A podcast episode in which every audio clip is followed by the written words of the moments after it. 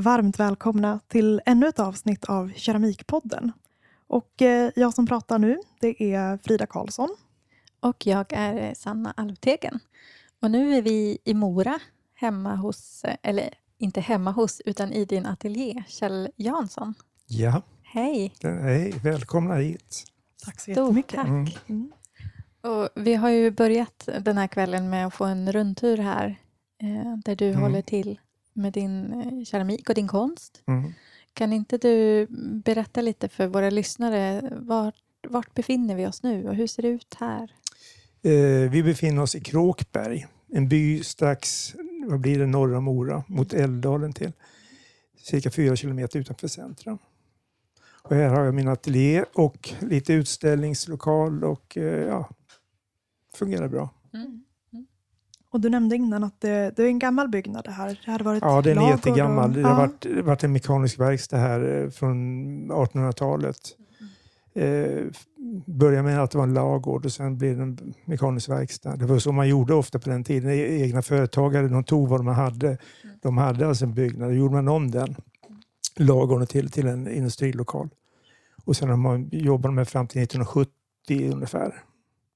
Sen stod det för tomt och sen köpte jag det 1999. Det känns konstigt att säga 1900 men Ja, men du har hållit till här i strax över 20 år då? ja. jag har Mm. gjort det. Mm, just det. För de som inte känner till dig sedan innan, hur skulle du vilja ja, presentera dig själv för, för våra lyssnare? Vem? Jaha.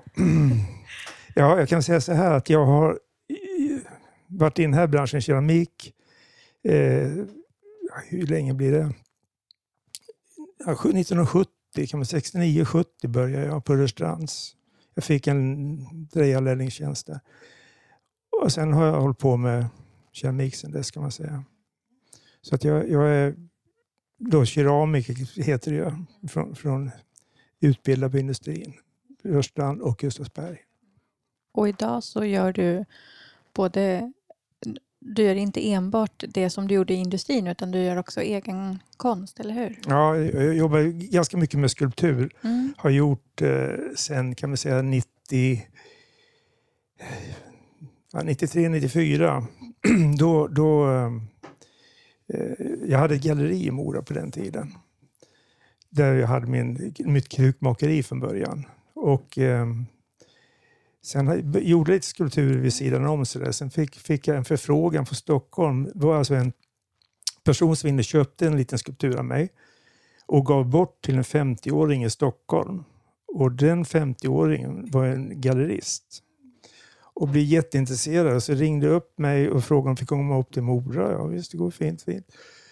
Och då bestämde vi att jag skulle göra en utställning på hennes galleri på Sibyllegatan, Östermalm, Stockholm.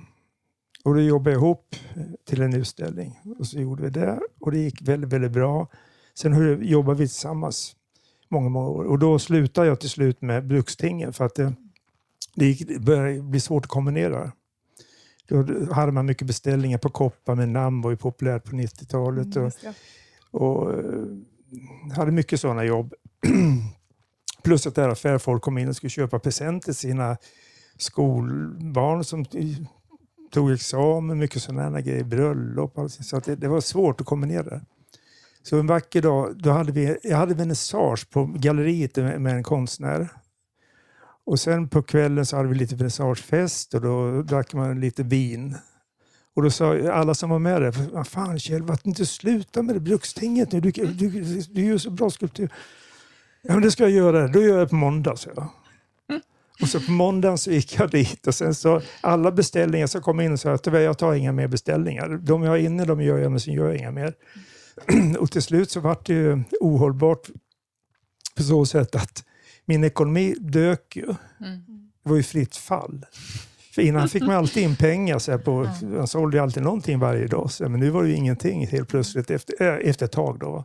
För jag sålde slut på mycket. Sen så flyttade jag därifrån. Ja, det var mycket sådana här saker. Och det, var- det var eh, väldigt jobbig tid ekonomiskt, det får jag lov att säga. För då skulle man skaffa sig gallerister också som skulle sälja ens grejer. Just det. Och det var ju inte så roligt. Nej. Men det gick till slut. Men man ska vara envis. Mm. var du frestad många gånger att återgå till de här beställningarna? Ja, ja jag var väl Ja. det, det får jag erkänna. För att det, det var, som tur var så hade min fru då stadig inkomst. Så att hon, hjälpte mig ganska mycket rent ekonomiskt. Så att det kostar pengar att jobba. Och eh, då blev det ju lite lättare. Sen åren gick och jag fick mer och mer gallerister som hörde av som ville att jag skulle ställa ut hos dem. Och så där. Och sen, sen rullade det på. Ja, modigt att göra den omställningen. Ja, liksom, det, det från, var nog ganska modigt. Men, men jag är lite impulsiv och eh, hoppar på grejer. Så om det, Mm. Eller var. Mm. Nu är jag kanske lugnare. Men eh, om vi backar bandet lite. Du, du nämnde det att du kommer från kanske eh, keramikindustrin egentligen. Mm. Eh, hur såg ditt första möte med keramik ut, med lera? Jo, det var så här. Jag bodde i, i Värnamo. Mina föräldrar flyttade dit när jag var eh, sju år. snart. Och eh, det här det kanske inte har någon betydelse egentligen, men jag tror det. Att utanför Värnamo stad låg det ett eh, tegelbruk. Och där jag och mina kompisar på den tiden cyklade mig eh, runt överallt. Jag var kanske åtta år, åtta, nio år. Så vi var ute på det här eh, tegelbruket. Och så hittade vi, det var ju en lertäkt där.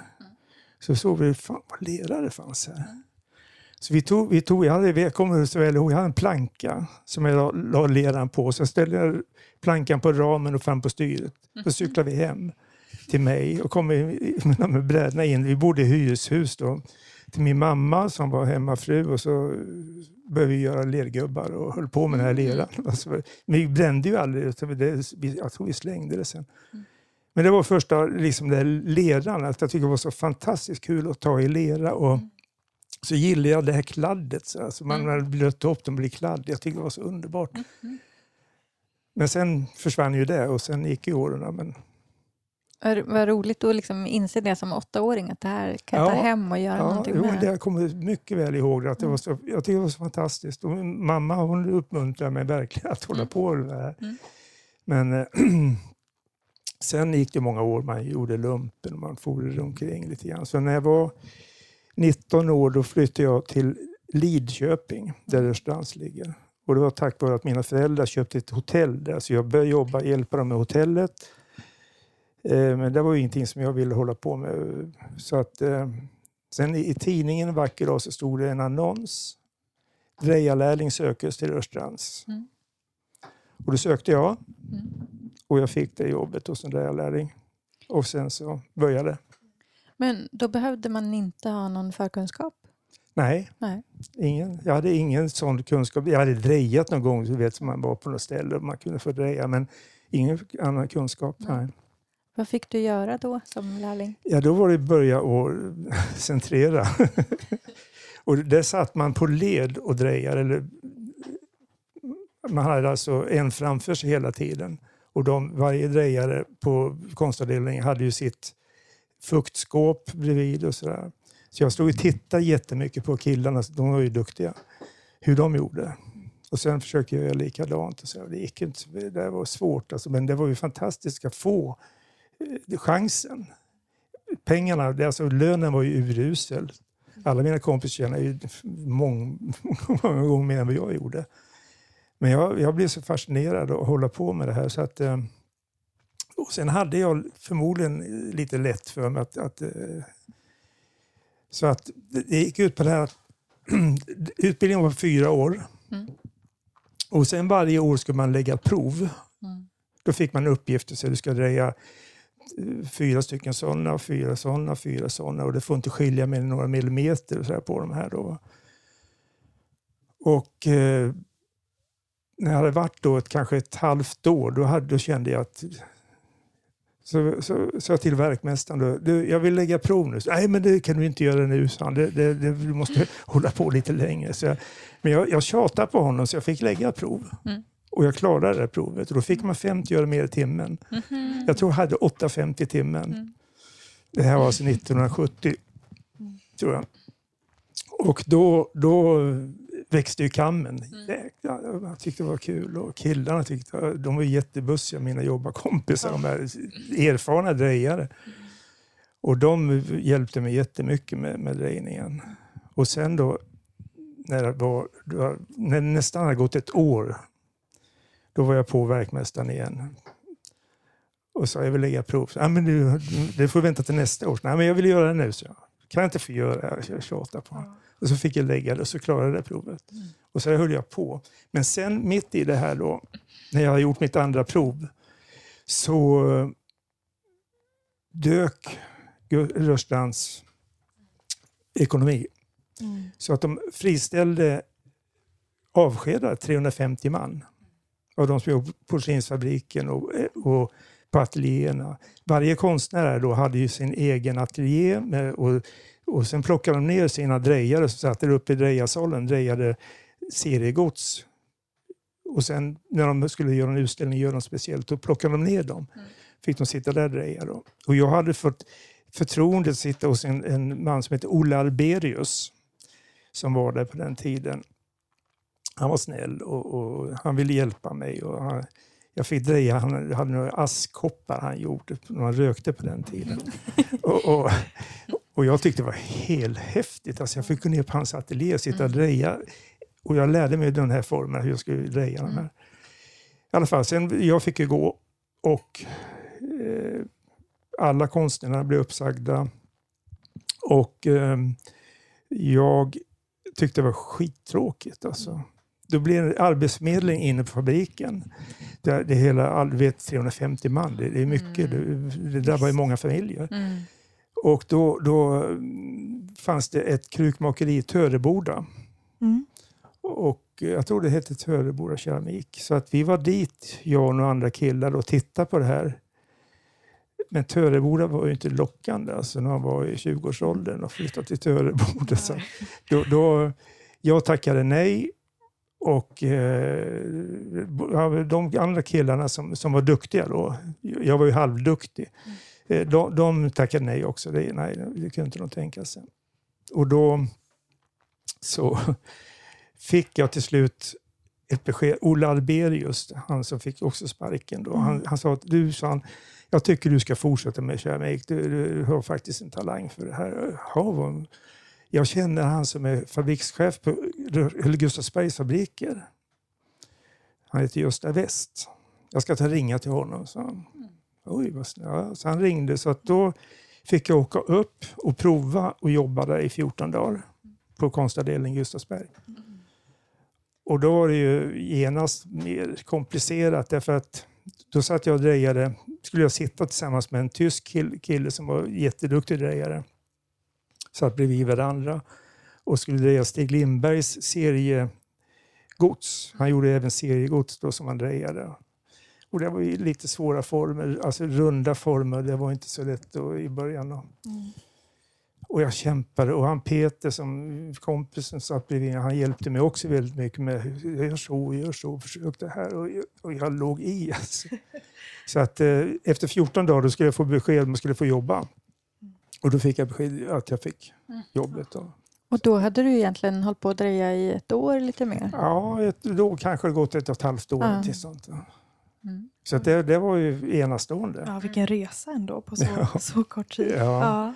Jo, men alltså, jag vet inte, jag, jag, jag ser nu på min, jag sa ju att min fru är lärling här. Mm. Och eh, hur, hur, svårt det är egentligen. Mm. När man, när man kommer från mm. ingenstans och ska börja på med någonting sånt. Jag fattar inte att jag att jag grejade så fort. Alltså. Och sen, sen då när jag satt och drejade seriegods då varje dag, då, du lär dig ju. Sitta åtta timmar om dagen i princip och bara mm. mata på. Och försöker bli så snabb som möjligt och så noggrann som möjligt. Och sen en vacker dag så kommer eh, eh vi satt i Stig Lindbergs gamla ateljé och jobbade. Mm. Det var två drejskivor, jag och Peter Assoff hette han. Heter det fortfarande. Och eh, man gick in, kom från ett trapphus, gick in genom en dörr och sen var det liksom en trappa ner. Och, och det var som ett litet podium där uppe. En vacker dag så kommer verkmästaren in, Svenne Weisfeldt, och så säger han eh, Kjell, du, du ska gå ner till Bernt Friberg. Jaha. Ja, vadå då? Ja, men du får gå ner och prata med honom. Ja, jag gick ner. Han bara en trappa ner i sin ateljé. Han var ju skåning. Mm han, jag tyckte han var urgammal. Han var, men han var ju 65-70-årsåldern då. Ja, tänkte se om man kan göra en drejare av dig.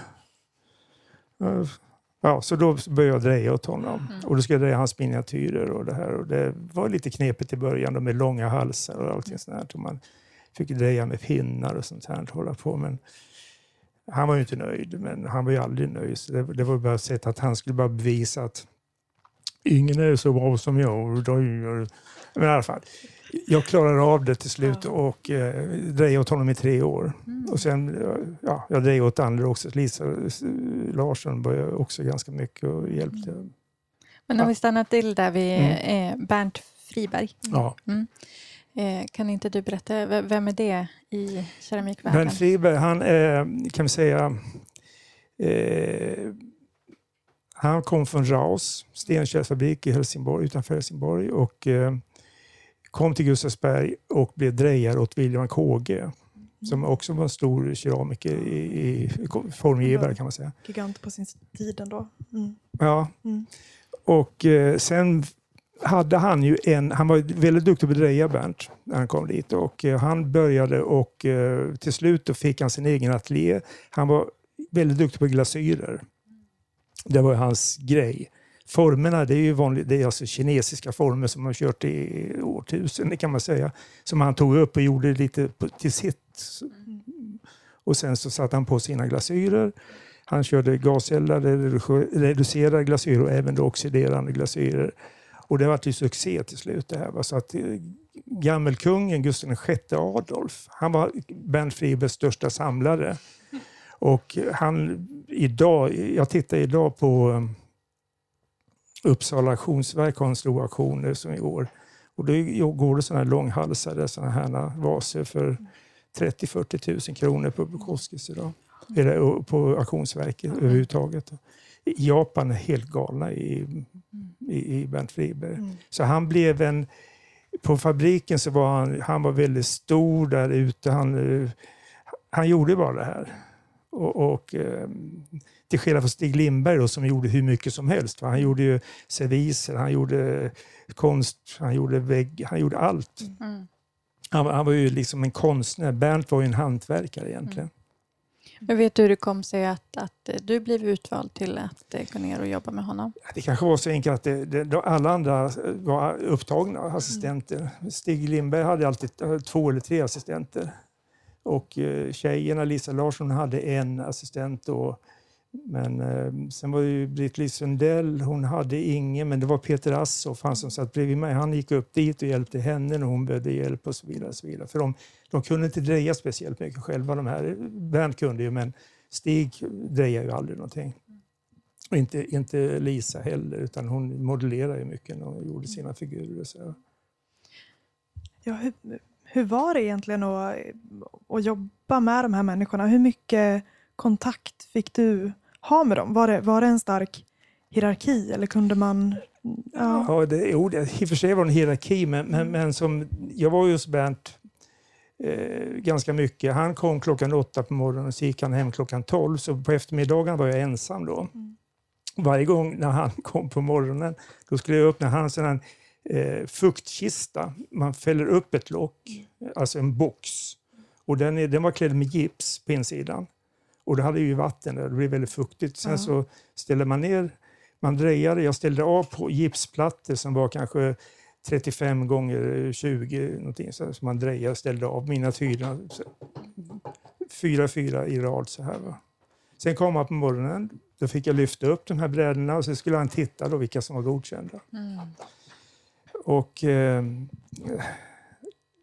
jag, hade ju stor respekt för honom naturligtvis, för han var ju gammal och han var, hade pondus på det sättet. Att, eh, men så började han så här liksom knäppte på dem. Så här, det här kan jag, det, ja, men jag kan ju svarva till dem då. Mm. Men han var ju noga med att du ska dreja färdigt. Du Mm. ska inte sitta och, och svarva fram några former här. Och det fick jag lära mig av honom. Så det, det, jag drejar väldigt färdigt kan man Mm. säga. Jag beskickar botten då. Så här. Mm. händer väl naturligtvis att man tar lite grann, men, men eh, det, det var hans grej. Du ska dö, dö klart. Mm. Och ehm, sen hade han sina egenskaper. Nu ska jag inte prata skit om Bernt Friber för han är död, men han var, han var så här att det kom ofta ut folk till hans ateljé. Alla fick ju bestämma möten då. kom dit uppköpare, det kom dit eh, ja, affärer som ville ha hans prylar på hyllan. Mm. Och då alltid när det kom in folk, kungen var där, jag var där två gånger, jag satt där där, han, Gustav VI Adolf var där två gånger. I alla fall, och då alltid när det kom in folk som inte hade varit där när jag satt där. Mm. Jaha, har du drejat där? Ja, det är en lärlingpojk, en lärpojk, sa han. Och, och sen då när han skulle gå förbi mig, då, ja, den där kan du, så knäppte han dem så här. Knäppte sönder dem. Att visa att ta ner Ja. mig, han, Ja. han kan inte dreja. Och jag till slut, alltså det här, jag blev så förbannad. Mm. Jag hade på den tiden ganska bra temperament. Så när han gjorde sådär, och sen när folk hade gått därifrån, och då eh, talade jag om för honom vad jag tyckte och sen gick jag därifrån och slängde igen dörren så bara rungade huset. Det var en järndörr var det. Och sen gick jag. Och sen gick jag runt på ateljén och snackade med mina kompisar som jobbade där och sen gick jag tillbaka och efter någon timma. Är du redan tillbaka? sa han då. Och sen så, men då, då blev det ett, efter det blev ett helt annat förhållande. Hierarkin var liksom bruten. Alltså han satt inte med mig längre. Han förstod att det, det, det går inte. Och det, det var bra. Ja.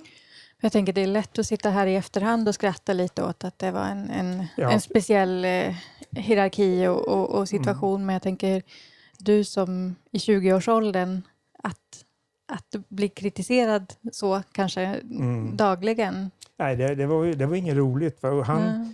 Han var ju på det sättet att han, han, var, ju, han var ju skitduktig. Han var jätteduktig drejare.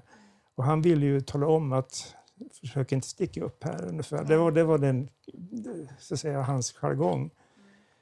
Och eh, nej, det är klart, det, det var inte roligt att sitta. Man var ju jätteless på det. Jag längtade ju bort hela tiden. Eller inte hela tiden, men ofta när jag satt där och drejade åt honom. Det var kul när man kom in till Lisa och började dreja åt henne när hon skulle ha en utställning. För killen som jobbade åt henne, han slutade. Lisa Larsson. Ja, Lisa Larsson. Och då, då, då var det ju kul. Hon var ju positiv. Åh, vad kul. Ja, vad fint. Kan du göra de här formerna där? Så det, det var ju jätteroligt. Och då var inte han glad. Stig, eller Bernt, han var ju inte alls glad att jag skulle gå till Lisa Larsson. Men- Men han fick finna sig i det till slut. Ja. Mm. Men hur såg det ut då i, i Gustavsberg? Det här är 70-talet, eller hur? Mm. Eh, det var ändå liksom Gustavsberg som var ar- arbetsgivare men så jobbade flera olika formgivare där och hade assistenter. Alla var anställda. Ja. Mm. av KF. Det var KF som ägde det på den Mm. tiden. Och eh, de hade sina ateljéer och eh, assistenter då, om de behövde det. Och vi var ju anställda allihopa. Jag, alltså, alltså, 70, 75 slutade jag. Då har jag varit i fyra år.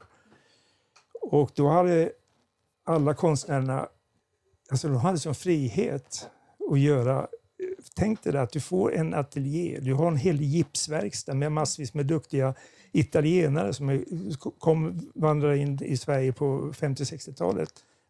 Riktigt gubb, alltså italienare är ju fantastiska, stuckatur och allting sånt där. Och du vet, vad du än skulle göra så bara går upp till gipsavdelningen och säger jag vill ha den här. Eller de hade eh, kemister, ett stort labb. Jag skulle vilja ha en blå glasyr. Och så gick de dit och fick Ja. de en blå glasyr. Men sen var det ju så att assistenterna som jobbade hos Stig Lindberg, bland annat, eh, en kille som heter Heiko Nietzsche, en tysk kille, han var duktig på glasyrer, så han gjorde ju då många glasyrer själv. Det, och det är ju den känslan man har. Man vill inte gå och köpa en glasyr eller hämta en glasyr. Man vill ju, som keramiker vill man ju påverka lite mer själv. Visst. Och under den här perioden eh, så gick ändå, det gick bättre för Gustavsberg då än, än Rörstrand? Ja, under, det gjorde ja. det. Men de, alltså, det var inga bra siffror. Det var ju aldrig bra Nej, siffror. inte då heller. Nej. Det var, ett- de klagade ju ständigt på Mm. att, att det, det gick eh, hanka sig fram. Och, för, fort man, och, och när det var löneförhandlingar då, då var det alltid sådär. Men man, man tjänade speciellt bra, men man struntade i det Ja. Det var, det var så, ja, jobba i den miljön var Mm. väldigt trevligt. En livsstil kan jag tänka mig. Mm. Mm. Men ja, för då var ju inte du, om man jämför, särskilt länge på Rörstrand i förhållande till Nej, Gustavsberg. Nej. Men Mm. upplevde du under den tiden, skilde sig industrierna väldigt mycket åt? Eh, I som- princip så var det samma koncept de hade. De Mm. hade ju ateljéer på Rörstrands också med formgivare som Mm. satt och, och gjorde sina modeller och sen tog de dit drejare eller hjälp med, hand, med drejning om det var sånt de skulle ha gjort. Va? Så att det var i princip samma. Mm. Och Lisa Larsson, hon var ganska rolig att jobba med. Mm. Och eh, Bernt, han var ganska sträng.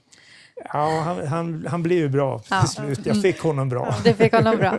Hur var Stig Lindberg då? Ett annat sånt Stig stort Lindberg namn. var ju eh, professorn. Mm. För Bernt gillar inte Stig och Stig gillar inte Bernt. För Bernt, Stig fick en professorstitel och det gillar inte Bernt. han är bara professor till gagnet. Eh, Men, men eh, han var väl jätterolig, fantastisk människa. Spirituell, eh, glad och ja, bekymmerslös på något sätt. Underhålla, vi hade julfester och han, han spelade piano. Och det var jätte, fantastiskt roligt. Alltså. Ja. Fint att få höra lite så här om de här legenderna som Ja. vi annars bara får Mm. Vända på, på porslinet och titta vem som har gjort det. Mm, de blir genast lite mer mänskliga. Mm. Eh, och sen läste vi någonstans att du var en, eh, en period i Vancouver också. Ja, jag, Kom, jag, ja, ska jag ta det? Mm. ja, men om, du- Jo, om det du var vill. så här, nitt- 1975 så jag och en kompis, vi snackade mycket, vi skulle, fan, vi skulle åka till USA. Och, och ja, visst gör vi det. Jag var väl den som var pådrivaren egentligen. För att då, då, jag tyckte att jag, jag ville komma från Gustavsberg också. Va? Så då, då sa- jag upp mig och de var ju helt, fattade att jag är inte klok. Ja, jag sa upp mig. Ehm, jag skrev in mig på Stockholms universitet och min kompis också bara för att få legitimation och köpa studentbiljett med flyget. Ja, och det gjorde vi. Så vi lyftade till Paris och flög till New York. Paris, New York. Och sen så for vi omkring där. Ja, vi var massor. Vi lyftade runt hela USA, över till eh, LA. Och vi lyftade upp, till Vancouver, BC, British Columbia. Sen var vi, lyftade vi upp till eh, Anchorage, Alaska Highway upp och sen tillbaka. Sen när vi kom tillbaka till Vancouver då hade vi några, några flickor som vi kände där som var svenska som har emigrerat och fått eh, immigration till, till Kanada. Så att då, då bodde vi hemma hos dem. Och då, min kompis pengar var slut. De tog slut när vi var på Alaska-resan. Då. Och jag hade inte speciellt mycket pengar kvar och vi var tvungna att ta oss från Vancouver till, till, till eh, New York. För flyget var öppen biljett ett år, en studentbiljett. Eh, ja. Och då insåg jag hur ska vi komma till New York? Och då gick jag i alla fall omkring. Och, vi var på en del utställningar och så träffade jag några människor som för att prata med någon som eh, frågade om någon känner någon kukmakare som vi behöver hjälp. Mm. Ja, då var det en ute i West Vancouver som hette Josef Mahalik. Eh, Så jag åkte ut dit och sen kom jag in där och sen frågade jag om jag kunde få jobb. Ja, vad kan du? Så jag kan dreja. Så ja, okej, kom jag ut där. Så jag gick ut på verkstaden och sen, du har en drejskiva där och lera. Så får du visa vad du kan. Och jag var lite nervös. Jag tänkte, så, men i alla fall, jag, jag, jag gjorde ordning en stor klös och sen tänkte nu ska jag dreja någonting, alltså det bästa, som, alltså svårast. En sån här utlöpad form in och så här verkligen. Och jag blir, tänk om det går åt helsike, tänk om jag, om jag, om jag misslyckas då. Men trots att jag blev lite darrig så, så det gick bra, så jag drejade några stycken. Och då frågade han så mycket vill du ha lön? Så han, ja det är upp till dig. Så jag, ja. Du får fem dollar i timmen. Och då stod vi dollarn kanske i fem sex kronor. Sen Så jag, jag hade jobbat, för, han sagt en dollar så jag har ju tagit den naturligtvis. Så att jag fick jobb där. Och eh, han, han, Josef han var eh, en före detta balettdansör. Och hade hoppat av med sin fru. De kom från Ungern och var på, en sån här balettuppvisning i, i Kanada. Och då hoppade de av. Det var, det var just blocket då på den tiden. Och, och, eh, Han hade kanske varit det kanske i 20 år när jag kom dit. Och han började bli lite smålat. Så jag tyckte det har gått väldigt bra för honom. En stor fin affär. Hans fru skötte affären. Och sen hans brorsa drejade och han hade tummen lite grann mitt i handen. Han hade väldigt svårt för sig. Så Josef var ju översvallande. Tyckte mm. det var fantastiskt. Och vad ska jag dreja? Dreja vad du vill. Dreja det ni gör i Europa, i, mm. i Sverige. Så jag drejade lite sådana former. Och sen ut i affären då, och sen sålde jag. Mm. Sen var det så här, tyckte det var jättebra. Mm. Sen en dag så kom han och frågade om jag ville bli supervisor för hans tillverkning. Men då var jag tvungen att åka till Sverige och söka immigration. Mm. Och det var ju lockande, så det ja visst. Så att, eh, jag slutade och mm. Eh, for ner till New York. Och sen så, ja, det var många resor på vägen ner dit, men, men eh, jag blev kvar en månad i New York för mm. det här flyget gick inte när jag ville utan jag var mm. tvungen att anpassa mig i och med att det var en sån typ av studentbiljett. Att mm. du, då kan du inte åka, då kan du inte åka. Så att eh, jag kom till, eh, till eh, Berlin till slut. Inte till Paris, det var något fel med det här. Och så, så lyfte jag därifrån upp till jag kom väl till Helsingborg och upp till, fick en lift mot västkusten upp mot Göteborg. Sen då ringde jag efter mina föräldrar så min pappa kom och hämtade mig där. Jag var så trött på liften. Och då sökte jag visum, mm. till, eller in, men det gick inte. Därför att det var arbetslöshet i British Columbia och eh, de hade ingen anledning att ta någon från Sverige. Det finns folk i Kanada som kan det här. Så att jag fick ah. inget. Och då var det så jag brukar säga, hade det hänt att jag kommit mm. dit och emigrerat, då hade jag inte suttit här idag. Då hade jag inte haft mina barn. Mm. Ja, du trivdes ändå så pass bra? Det kändes... Ja, då kändes det mm. att jag, mm. jag, jag vill hit. Alltså, kan, jag trivdes i Kanada. Det var fint i Kanada på många olika sätt. Men där fick du göra helt dina egna föremål, väl, välja formen själv. Ja, mm. precis. Sen hade han väl några bestsellers som jag drejade också, men, men annars så gjorde jag Eh, det var väldigt populärt med planters, alltså ytterkrukor. Mm. Mm. Så det gjorde jag. Eh, jag plankade lite svenska modeller och gjorde dem. Skönt, kommer man undan med på andra sidan ja, Atlanten. Ja. Ja, vad, vad spännande.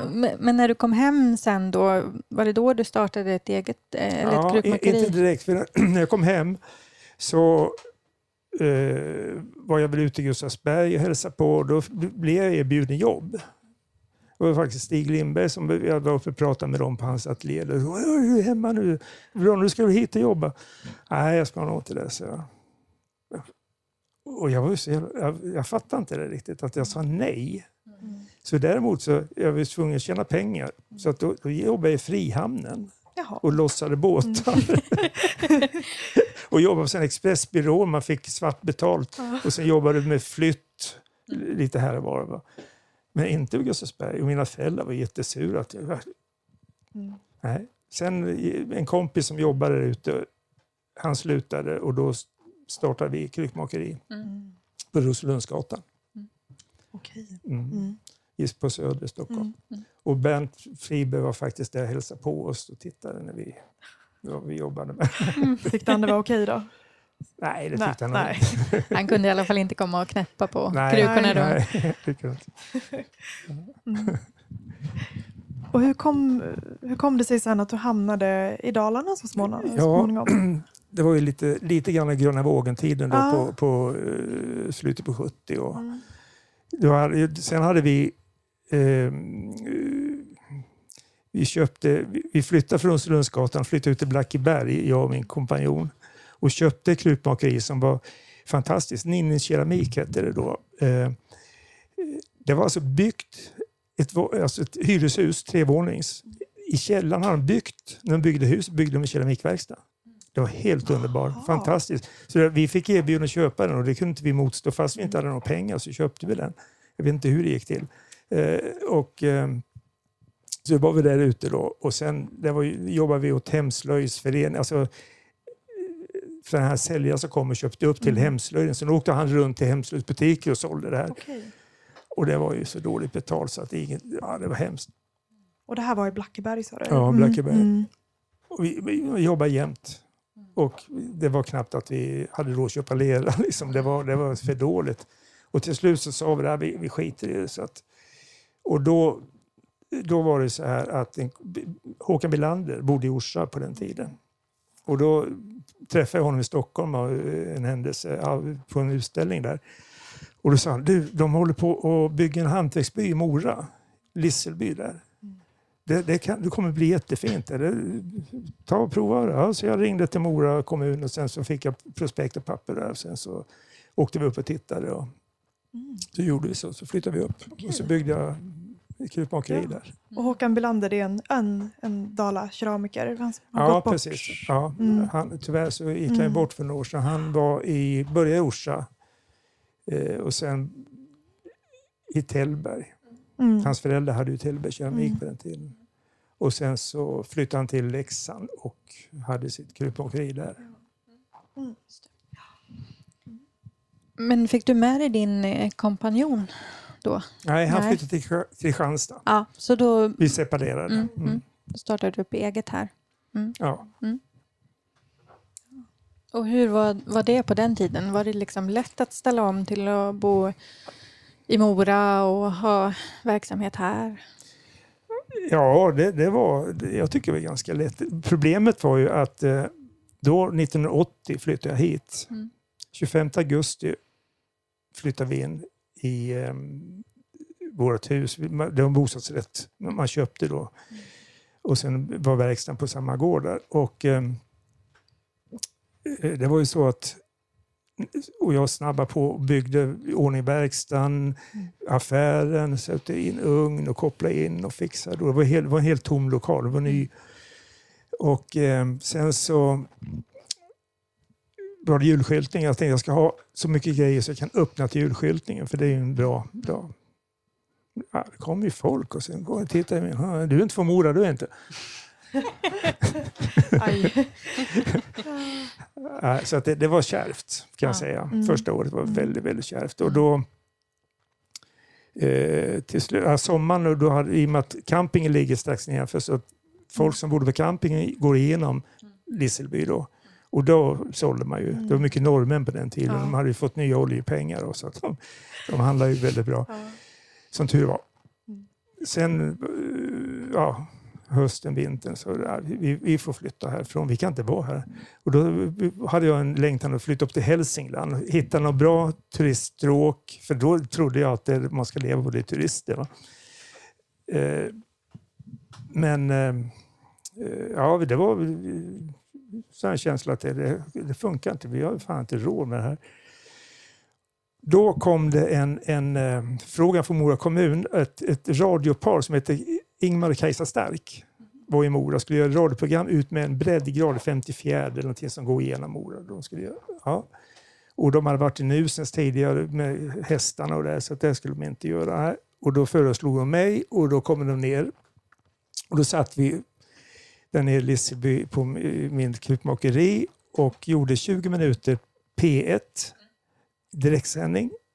Ingen musik mellan, bara satt och pratade så här som vi gör nu ungefär. Och jag pratar ju så väl om alla Morabor och fantastiskt det är här uppe. Det är så trevligt folk och det är naturen och det ljög jag ju inte om naturen. Det var ju så... Sen dagen efter. Jag tänkte hur många lyssnade på P1 1980? Eller 81 kanske det var då. Ja, det var det. Och eh, det ringde telefonen hela tiden.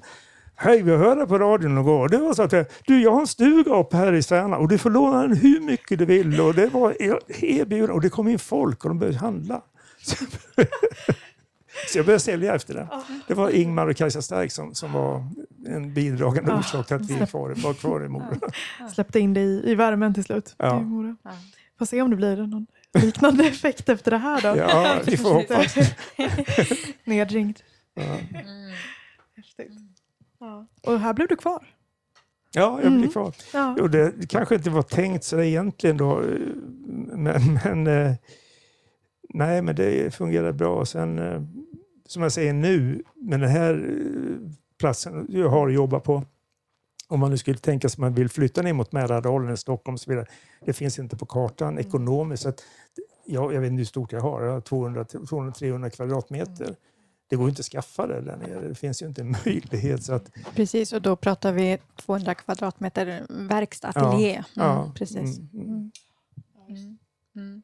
Nej, då är det ju en, en annan månadskostnad på att hyra en sån typ Ja, av ja, lokaler. det går ju inte. Mm. Sen fan, är det ju, jag gillar ju, jag har ju bott i Stockholm så pass mycket så att det, det räcker också. Jag tycker det är så fantastiskt att bo ute på eh, så här. Eh, Sen gillar jag vintern och jag gillar årstiderna som vi har här på ett annat sätt än där nere. Mm.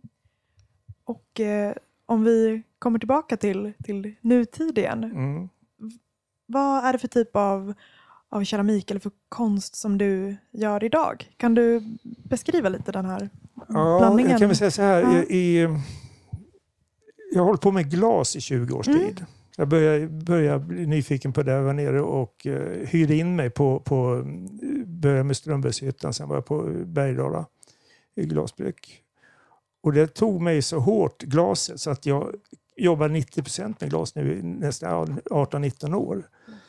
Och, och keramiken låg nästan på hyllan. Jag Mm. gjorde ingenting. Jag var här på ateljén och gjorde sandformar och sen åkte jag ner. Jag åkte ner ibland två gånger i månaden och göt i glas. Jag var nere på Muran och jobbade ihop med, med en maestro där som hette eh, Silvano Sig- Signoretto. Och jag var nere elva gånger och jobbade med honom på Murano och det var fantastiskt också. Då gjorde jag modellen lera, tog ner och satte framför honom så här. Och sa how big? Och så, så, och så, så det var fantastiskt. I alla fall, eh, jag jobbar fortfarande lite glas. Jag ska ner nu på, på eh, fredag. Åker jag ner. till- Men då, är, då jobbar du med formar? Ja, sandformar. formar. Mm, Jag mm. gör sandformarna här och sen så häller vi i glaset där och färgar in. Eh, men i alla fall, så, för två år sedan kanske, så började jag känna att sug efter lera. Jag började sitta och dreja lite. Och jag tyckte det var så jäkla kul. Och, och prova att göra lite stora grejer. Ja, så, ja, jag blev tagen av leran igen, alltså, verkligen. Så nu kör jag väl 90% keramik och 10 glas. Ja. Och jag gör mycket skulpturella former. Jag drejar även fiberformer också, fiberformer. Men, men eh, jag bygger på, drejar stort och bygger på med olika uttryck. Mm. Eh, och, och vi började med det när du presenterade dig där på 90-talet. Det var då du egentligen, att det blev mer skulptur. Mm, Mm. Och visst var det så att du började med någon frukt? Ja, det var frukt. Mm. Det var frukt jag började med. Mm. Och det gick ju bra då, väldigt bra nere i Stockholm. Och, och den här galleristen, hon, hon blev ju äldre lågor. Hon, hon hade ett fantastiskt kundregister och det, det var ju mycket det som gjorde att jag kunde hålla mig levande på, på just det. Va? Sen träffade jag andra gallerister också, men, men hon var väldigt duktig.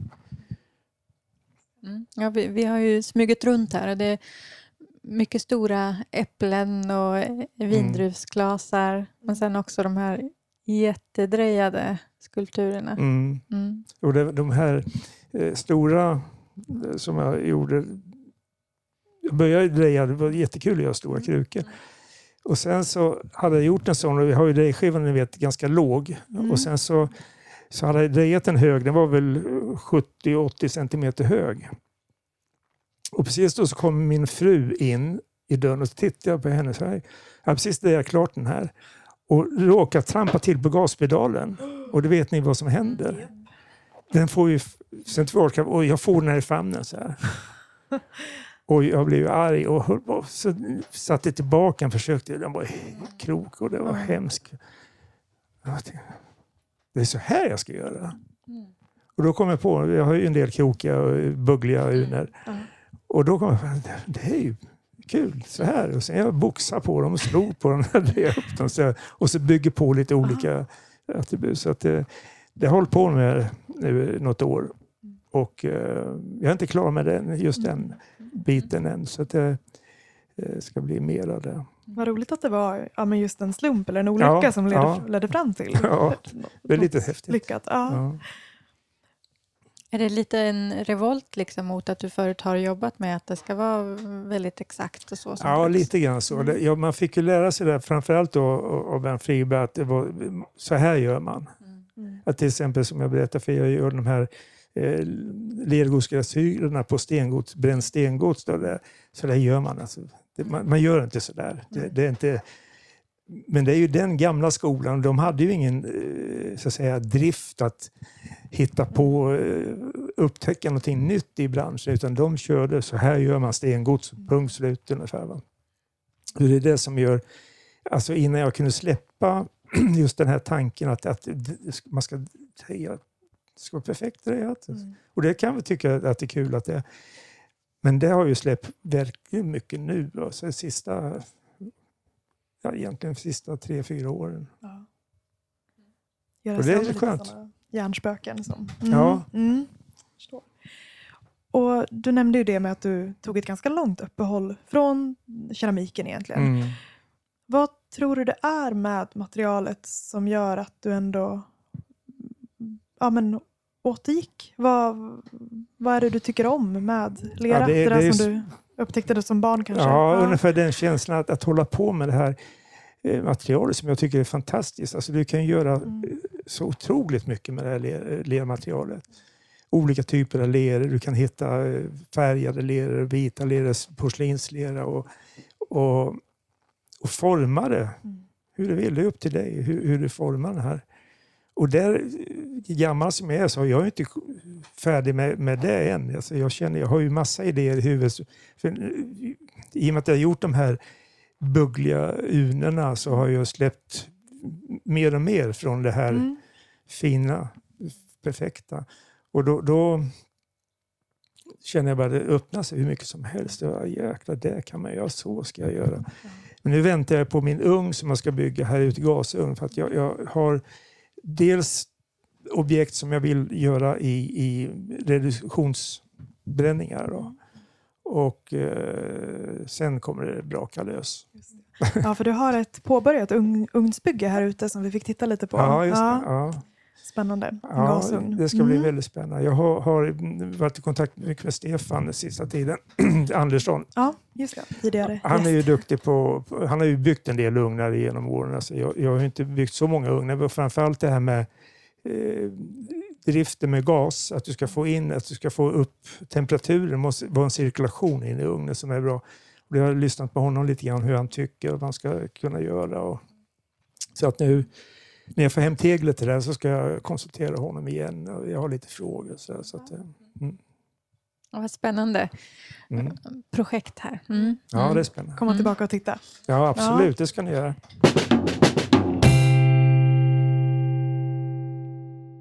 Men här i din verkstad, kan du beskriva hur en, hur en vanlig dag kan se ut här för dig? Ja, det kan jag göra. Det, det, när jag går hem härifrån, Mm. då, då vet jag vad jag ska, jag har planerat in vad jag ska göra imorgon. Och eh, vad jag ska, om jag ska dreja eller om jag ska glasera, sätta ugnar. Eller så. Så jag vet ofta, jag, vet, jag är lite så lagd att det är bra att veta. Jag går, det kan hända en dag att jag kommer hit och jag vet inte vad jag ska göra. Men då hittar man ju på någonting. Mm. Man kan städa eller man kan sätta upp en hylla eller vad som helst. Men, men eh, ofta så vet jag vad jag ska göra. Det gör jag. Ja. Och hur, hur kan en sån dag se ut? Är det då att du kan du glasera en hel dag? Eller? Nej, absolut inte. En halv dag kan jag glasera ungefär. Va? Så, I och med att jag, den stora ugnen har, 500 liter, den, den bränner inte jag så ofta nu för tiden. Det är ju när jag gör stora grejer så bränner då kanske jag får in, ska jag säga, 12-15 grejer i olika storlekar. Då. Mm. Och det är just den glaseringen, för då, då är det inte bara att jag sprutar på en enda glasyr utan då jobbar jag med pensel och sprutpistolen och, eh, och innan man, det, det svåra tycker jag för mig alltid har varit det här, vad ska jag sätta på för glasyr? Vad ska det här ha för glasyr? Ja. Kan du dra dig för att, att glasera? Ja, Kan de det, det kan stå, det kan, Mm. jag har grejer som, står, som inte jag gett mig på att glasera för jag, jag glömmer bort dem. Nu får det vänta Ja. till jag kommer på. Till slut så går det upp och säger, ja, du ska ha den här glasyren. Och eh, sen ofta, jaha du ska ha den glasyren. Så tittar jag i, i pytt, ja, då är den slut. Jag får väga upp den och det är ju inte så roligt att väga glasyr. Men- och sen ska man sikta den och hålla på. Ja. Men, men eh, För du blandar egna glasyrer. ja, de, de flesta. Jag har några köpesglasyrer också, men, men eh, de flesta så gör jag själv.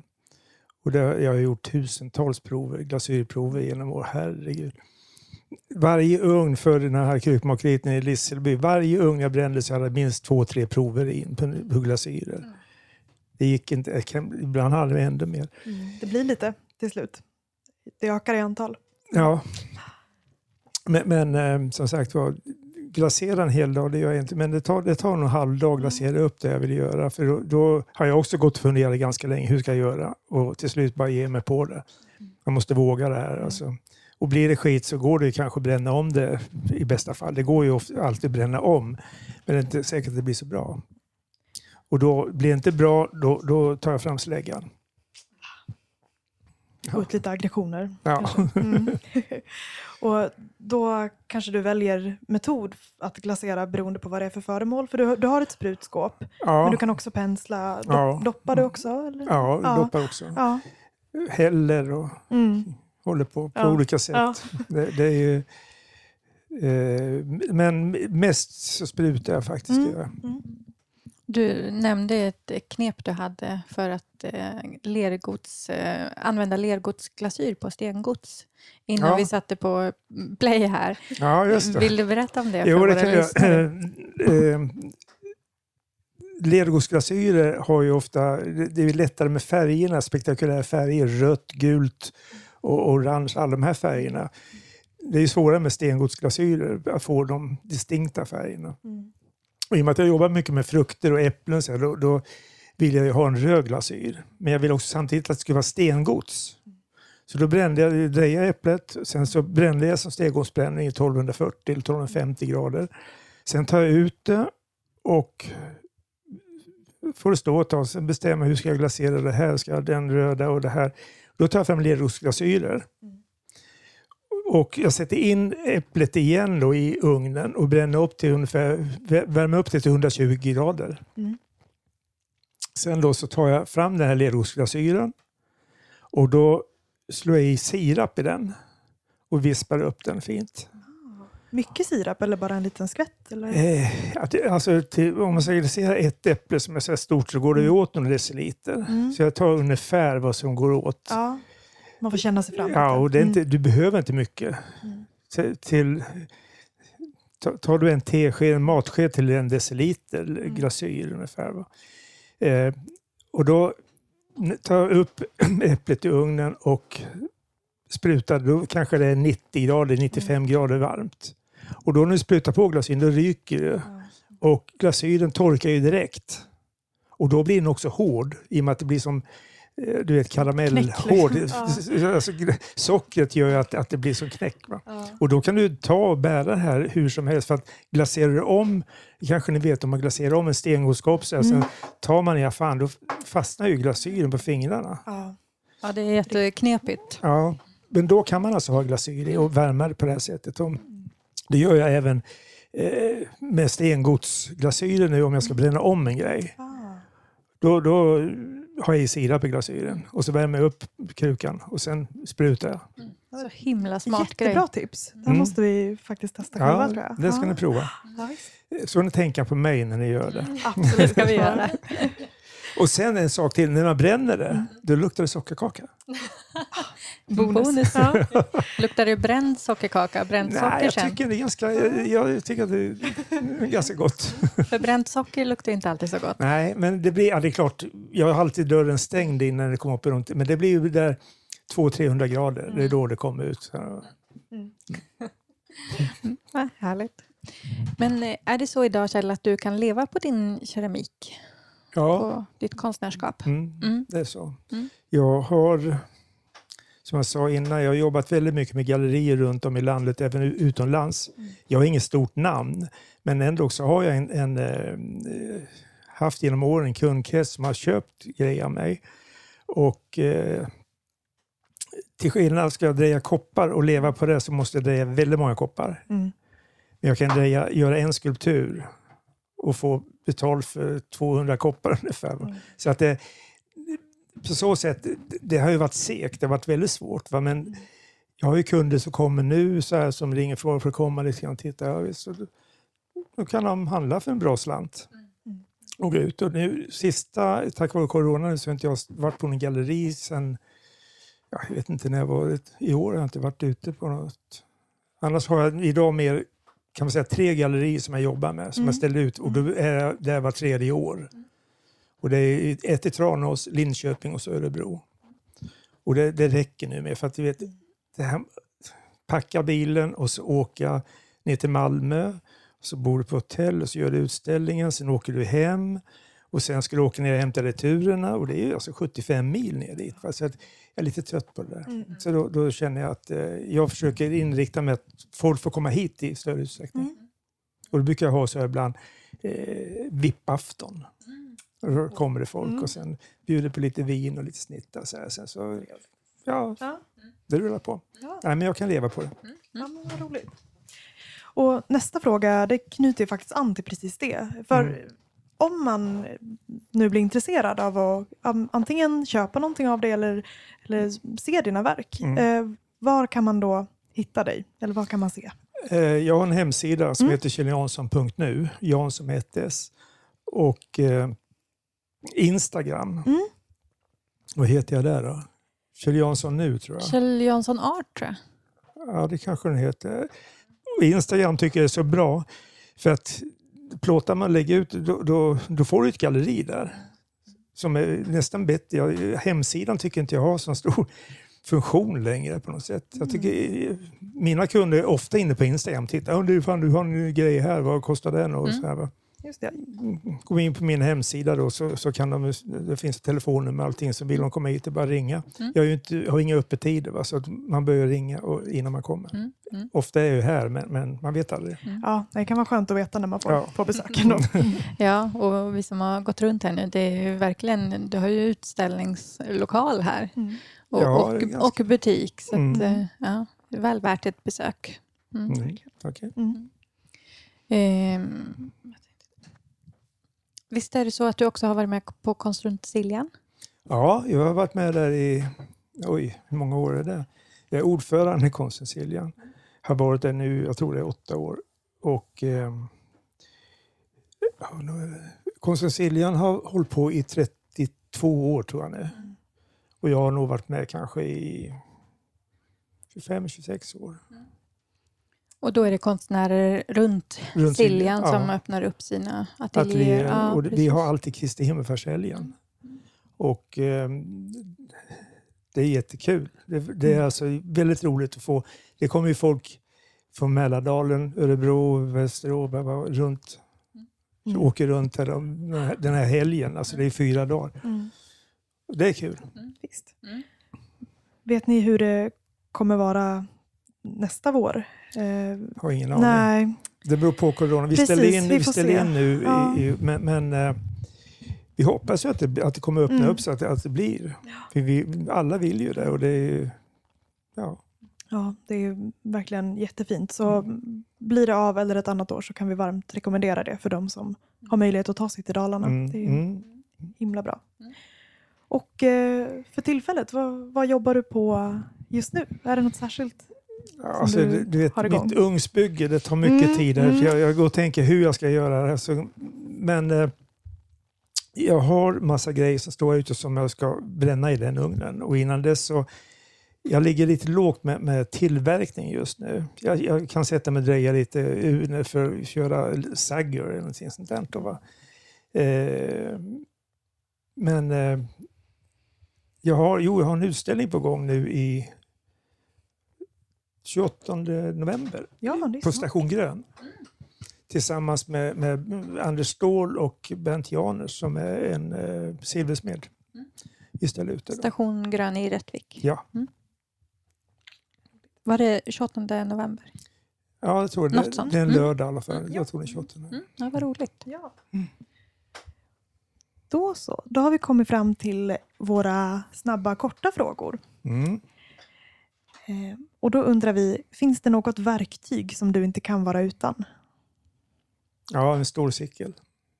Mm, cykel? Mm, en rektangulär plåtbit. Ah, ja. Den har jag alltid. För att jämna till och skära? Ja, precis. Mm. Skär av öser alltså ner till och om jag behöver cykla av den så kör jag den. Ja, multitool. Mm. Mm. mm. mm. Lyssnar du på någonting i verkstaden? Ja, jag, jag har ju varit sån P1 narkoman i alla år och nu tycker jag att P1 tyvärr har blivit lite, lite, nu är jag så gammal, därför jag tycker att det är lite, lite sämre. Men jag lyssnar mycket på P1 och när jag får nog av alla röster så där, då, då spelar jag musik. Mm. mm. Är det någon särskild musik som snurrar ofta? Det beror lite grann på vilket humör man är på, vad jag håller på med. Sitter jag och drejar, oj, sitter jag och drejar, då kanske jag vill eh, lyssna på lite blues, jazz eller sådär. Känns Svängigt. Man sätter viss- formen. Ja. Viss, vissa andra tillfällen så då, då, då kör jag lite klassisk musik och sådär. Det, det beror på Ja. mitt humör. Dagsformen. Mm. Och eh, vilket är ditt favoritmoment i skapandet med lera? Eh, ja, men det, det är ju, får man måste säga, det är ju nu, för, i alla fall nu de sista åren, då är det drejningen och sen påfyllnaden med, med olika eh, uttryck på, på Ja. det jag drejar. Då, det, det, det tycker jag är jätteroligt. Glasering, nej det är inte så roligt. Nej. Det är lite ångestladdat tycker jag. Är det det du tycker minst om att göra, glaseren? Ja, det tycker jag nog att det, det är det som är... Det är roligt att öppna ugnen. ja, precis. Sen har vi en fråga eh, om man har någon smart lösning att dela med sig av. Och det har du ju kanske redan gjort. Jag tänker på det här sirapsknepet. Ja, det tycker jag Ja. det är ett bra Ja. knep. faktiskt. Är det något annat du kommer på som du vill? Nej, alltså det finns ju lite kn- drejknep sådär när man ska dreja stort, men jag tror att eh, de flesta som håller på, de kan de där knepen idag. Kanske svårt att förklara Ja, det är ju lite svårt. sådär, det ska man radioformatet. ja, man ska visa det. Och ni har ju gått på folkhögskolan i Leksand. Men jag blir kan- jättenyfiken. Är det något särskilt du tänker på? Nej, jag, om jag ska dreja något stort och, och med liten rundare form så här. Ja, då, då drejar jag i två delar. Mm. Jag drejar först den, bit, så tar jag diametern. Mm. Sen drejar jag en till med samma diameter så vänder jag upp och ner på den, på den här. Men det kan ni ju. Ni. Är det någon, låter du det torka så att det är läderhårt innan du... Nej, för- nej, du gör inte det? Nej, jag, jag kör med gasollåga Ah, så att det ja, blir ja. så pass att, att den inte Mm. är för mjuk. Ja. Framförallt kanten som du ska hänkla Ja. i, mot där och även i botten här nere. Ja, så man kan... Så att det blir lite stabilt. Mm. Men det, det är jättebra. Ja, Och det är lite trixigt i början. Har ni provat det? Ja, jag har provat det, Mm. men jag är inte bra på det. ja, jag har faktiskt inte gjort det. Men jag, jag tänker att det skulle vara svårt att hitta den formen man vill ha. Att upps- Mm. ja, men, jag tänker att det Ja. skulle bli något helt annat när man väl sätter på. Ja, men det, det det, en- blir ju, det blir ju lite grann så. Ja, men alltså det, det, men en svåra, det som jag, jag har funnit det svåraste, det är alltså om du ska göra ett klot. Åh, Ett, och- alltså ett mm. klot. För då ska du hitta rätt... Där det Förstår spänner du? ut. Ja, för att ett liksom. klot ska Mm. vara ett klot. Det ska vara samma mått på höjden som på bredden, tycker jag. Ja. Men det, om man inte tänker så noga där, då, då är det ju enklare. Men jag har ju gjort några klot och det, det, det är lite marigt. Och krävs få dem lite snygga, då får man kanske Mm. göra om två gånger. Men det blir inte förstört även om det inte blir ett riktigt klot. ja, precis. Men bra eh, tips tänker jag där om man ska dreja stort, att man kan dreja i två delar. Mm. Mm. Du kan, säga, du kan, hur många delar som helst. Mm. Det att bygga på. Ja. Det är bara hur lång man är som Ja. hindrar att få plats i ugnen. ja. Mm. Ja. Eh, finns det något fält inom keramik som du skulle vilja lära dig mer om? Eh, oj, jaha, finns det det? Ja, det finns det säkert. Det- Nu måste jag ju fundera. Ehm, ja, det, är, det är ju det här med brännteknik och sånt som är, som är fascinerande. Ja. Eh, och nu ska jag, jag har ju haft gaseldade ugnar men de är ju slut nu för tiden, så jag har inte haft någon bra gaseldning på, på väldigt länge. Så det är ju göra reduktionsglasyrer och få, få det fungera bra där. Och det, det ska jag jobba väldigt hårt med nu när jag får igång ugn. För att Mm. då ser jag har en inre sån här vision. Ni ska få se. Vi ska följa på Instagram. Ja. Ehm, Och har du någon gång varit med om något, så här, något sånt här riktigt eh, haveri i verkstaden när det har gått Ja, åt skogen? Ja. Är det någonting som Ja, det, det var länge sedan. Det var faktiskt Mm. på Russelundsgatan i, i Stockholm. Då, Ja. söder. Vi hade en ugn som var på 250 liter. Och vi eh, satte den full, det var tallrikar, det var vinbägare och tallrikar och vinbägare. Så det var fullt. Det var inte så jättemycket, men i alla fall. Du vet Mm. en 250 liters ugn. så. Det ändå... Mm. Mm. Och så satte vi igång den som vi alltid gjort och sen så gick vi därifrån. Hej då på kvällen. Kom på morgonen. Och när jag öppnade dörren kom in kände det är något som är fel. Mm. Det, lukt, Att det luktar. ja, det, det är en speciell lukt. När- då har alltså inte automatiken fungerat. Det har inte slagit av. Ugnen har gått upp i temperatur upp till närmare, ja, över 1300 grader. Mm. Så allting, selaminitplattorna alltihop, det har ju smält. Alltså det, inte smält, smält, men- det har gett med sig. Mm. Så allting till slut när det har svalnat av den här. Ja. Och det var grejer vi hade beställning på som, som vi skulle leverera. Och, eh, så då vi vi tar spett och, och in och lossa på det här. Och så tog vi ut alltihopa. Så det var som en enda stor ja, klump. Mm. Fast du såg ju att det var ju tallrikar som låg ihop. Ja. Alltså, men då kom vi på en del. Vi åt lunch på en restaurang på Krukmakargatan, Mm. precis nedanför där vi var. Så vi gick ner och frågade om han ville köpa en skulptur. Så vi, sålde, vi sålde faktiskt den Vi där. gjorde det. Smart. Ja, Ja. verkligen.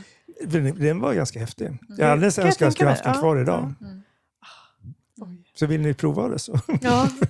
Men eh, skiter det sig rejält någon gång så vet vi vad vi gör i alla fall. Ja. Men fick ni eh, pengar så ni klarar av att ersätta Ja, vi fick så eller vi, vi var tvungna att bygga om Ja. den. Alltså, vet, nedersta stenarna alltihopa där, Mm. det har ju börjat att smälta. Va? Mm. Samma grej har hänt här med 500 liters ugnen. Då kom jag hit en morgon och då var det nästan så att det började brinna i lokalen. Oh. Och då var det katastrof i den också. Sen stod den, sen tömde jag den. Hela, allt, tegel i botten, kantaltråd, alltihopa var ju kass. Mm. Och då, då eh, stängde jag ugnen sen, sen öppnade jag inte på två år. Nej. Jag var skittrött på det. Jag Mm. bara kände, "Ja." sen, det. ja, sen var jag tvungen, jag måste ta tag i Jag kan ta en stor ugn stå här och inte kunna använda den. Så då byggde jag, renoverade jag den. Mm. Mm. Så två gånger. Det får inte bli en tredje gång. Mm. Vem eller vad får inte komma in i din verkstad? Jag har inga, inga förbud mot någon. Nej. Alla är välkomna. Alla är välkomna. Mm. Ja, ja, ni kan få glasyrrecepten också om ni vill. Ja, vad Vi schysst. tackar och tar emot. Ehm, Om du inte höll på med eh, keramik och glas och konst, vad tror du att du hade ägnat dig åt då? Oj, oj, ja, det har jag ju tänkt på ibland. Alltså, för det, nej, jag, vet, alltså, jag brukar säga så här, om, om jag vore 16 år idag och gick ut, alltså, gick på, skulle börja på gymnasiet, sen, då skulle jag börja med keramik. Eller jag skulle kanske gå en glasskola och lära mig glashantverket. Jag har ju hållit på med 20 år med glas. Jag kan alla processer, allting. Jag, kan inte, jag är ingen glasarbetare. Mm. Men det, jag skulle vilja behärska Ja. det också. Men vilket eh, ändå fantastiskt svar ändå efter Mm. ett helt yrkesliv att fortfarande... Ja, Ja, det- ja. Mm. Det är klart alltså, eh, när man är ung och börjar en sån här karriär eller bransch då, så är det ju inga stora pengar. Så vill man tjäna pengar, då ska man göra någonting annat. Mm. Då ska man börja på bank eller Ja. bli mäklare eller någonting sånt där. Ja. Men, men eh, nu är det ju faktiskt så vad jag förstår. Jag har en dotter som är 40 år. Hon har eh, väldigt känsla för vad som är inne, vad som är bra. För flera år sedan, kanske sju, åtta år sedan, sa hon pappa du måste börja dreja igen. Fattar du inte hur mycket eh, keramik är hur poppis som helst nu? Inredning, allting så är det keramik. Ja, ja, ja. Så att nu tror jag Ja. ni som är unga och ska bygga upp era verksamheter, om ni nu ska fortsätta med keramik som jag hoppas ni kommer göra, så har ni ju stor möjlighet att, att hitta en nisch där ni kan få avyttra och sälja era grejer. Det tror jag definitivt. Mm. Ja, det känns som att hon verkligen förutspådde. Ja, hon gjorde en- det verkligen. Mm, För nu, nu är det ju ganska hett. Verkligen. Mm. Det är det. Eh, Vad gör du om du kommer hit och du inte har någon inspiration eller vet vad du ska göra? Ja, då, då, som jag alltid har gjort då, om jag inte ska städa om det, sånt där, ska man gå och tänka vad jag ska göra. Då tar jag fram lera. Mm. Och sen slår jag leran, eller jag kranar ut den i kran. Och eh, inte nu senare, men tidigare då, så drog jag alltid fram, jag har ju så kavlingsbord. Mm. Och så kavlade jag ut ett stort sjok. Mm. Och så började jag bygga skulpturer. Mm. Och du visste inte vad jag skulle göra. Mm. Men du vet hur det är. Det, ja, vad fan så där. Sen, ja, Mm. så går det vidare. Jag Mm. gjorde väldigt mycket torson på den tiden. Mm. Och jag fortfarande håller på med det. Jag tycker det är fascinerande. Okej. Och då utgår du ofta från kavlad lera? Som du... Ja. ja. Mm. Mm. Ungefär en centimeter tjock. Okej, det är bra. Mm. Du kan du bygga som ett, som ett rör från början och Ja. hänkla ihop och sen kan du forma inifrån och trycka ut och, och bygga på och sådär. Mm. Mm. Bra. Mm. Och eh, till sist så undrar vi vem du tycker att vi borde prata med i Keramikpodden. Ja, det finns ju en kille i Tällberg. Bosse Belander, jag vet inte om du känner till honom? Till namnet. Mm, Mm. Tällberg Keramik. Mm. Han, han är ju jätteduktig och eh, har sin butik öppen där nere nästan varje dag mellan kanske 11 och 15, 11 och 14. Och så där. Han, eh, en verkstad som är helt, helt outstanding. Så jag tycker att ni pratar med honom, för han, han är väldigt duktig och, Mm. och han kan, eh, han har varit med länge. Mm. Han är, han är yngre än vad jag är, men han har varit med länge för det. Mm. Ja, vad roligt. Jättebra, vi med tips. oss. Mm. Mm. Och till sist jättetack för att vi fick komma hit. Mm. Tack för att ni kom, det var jätteroligt. Ja, Få uppleva lite minnen. Ja, ja. visst. Ja, Ja, Fint att vi fick vara med. Mm. Tack. Tack. Tack så mycket.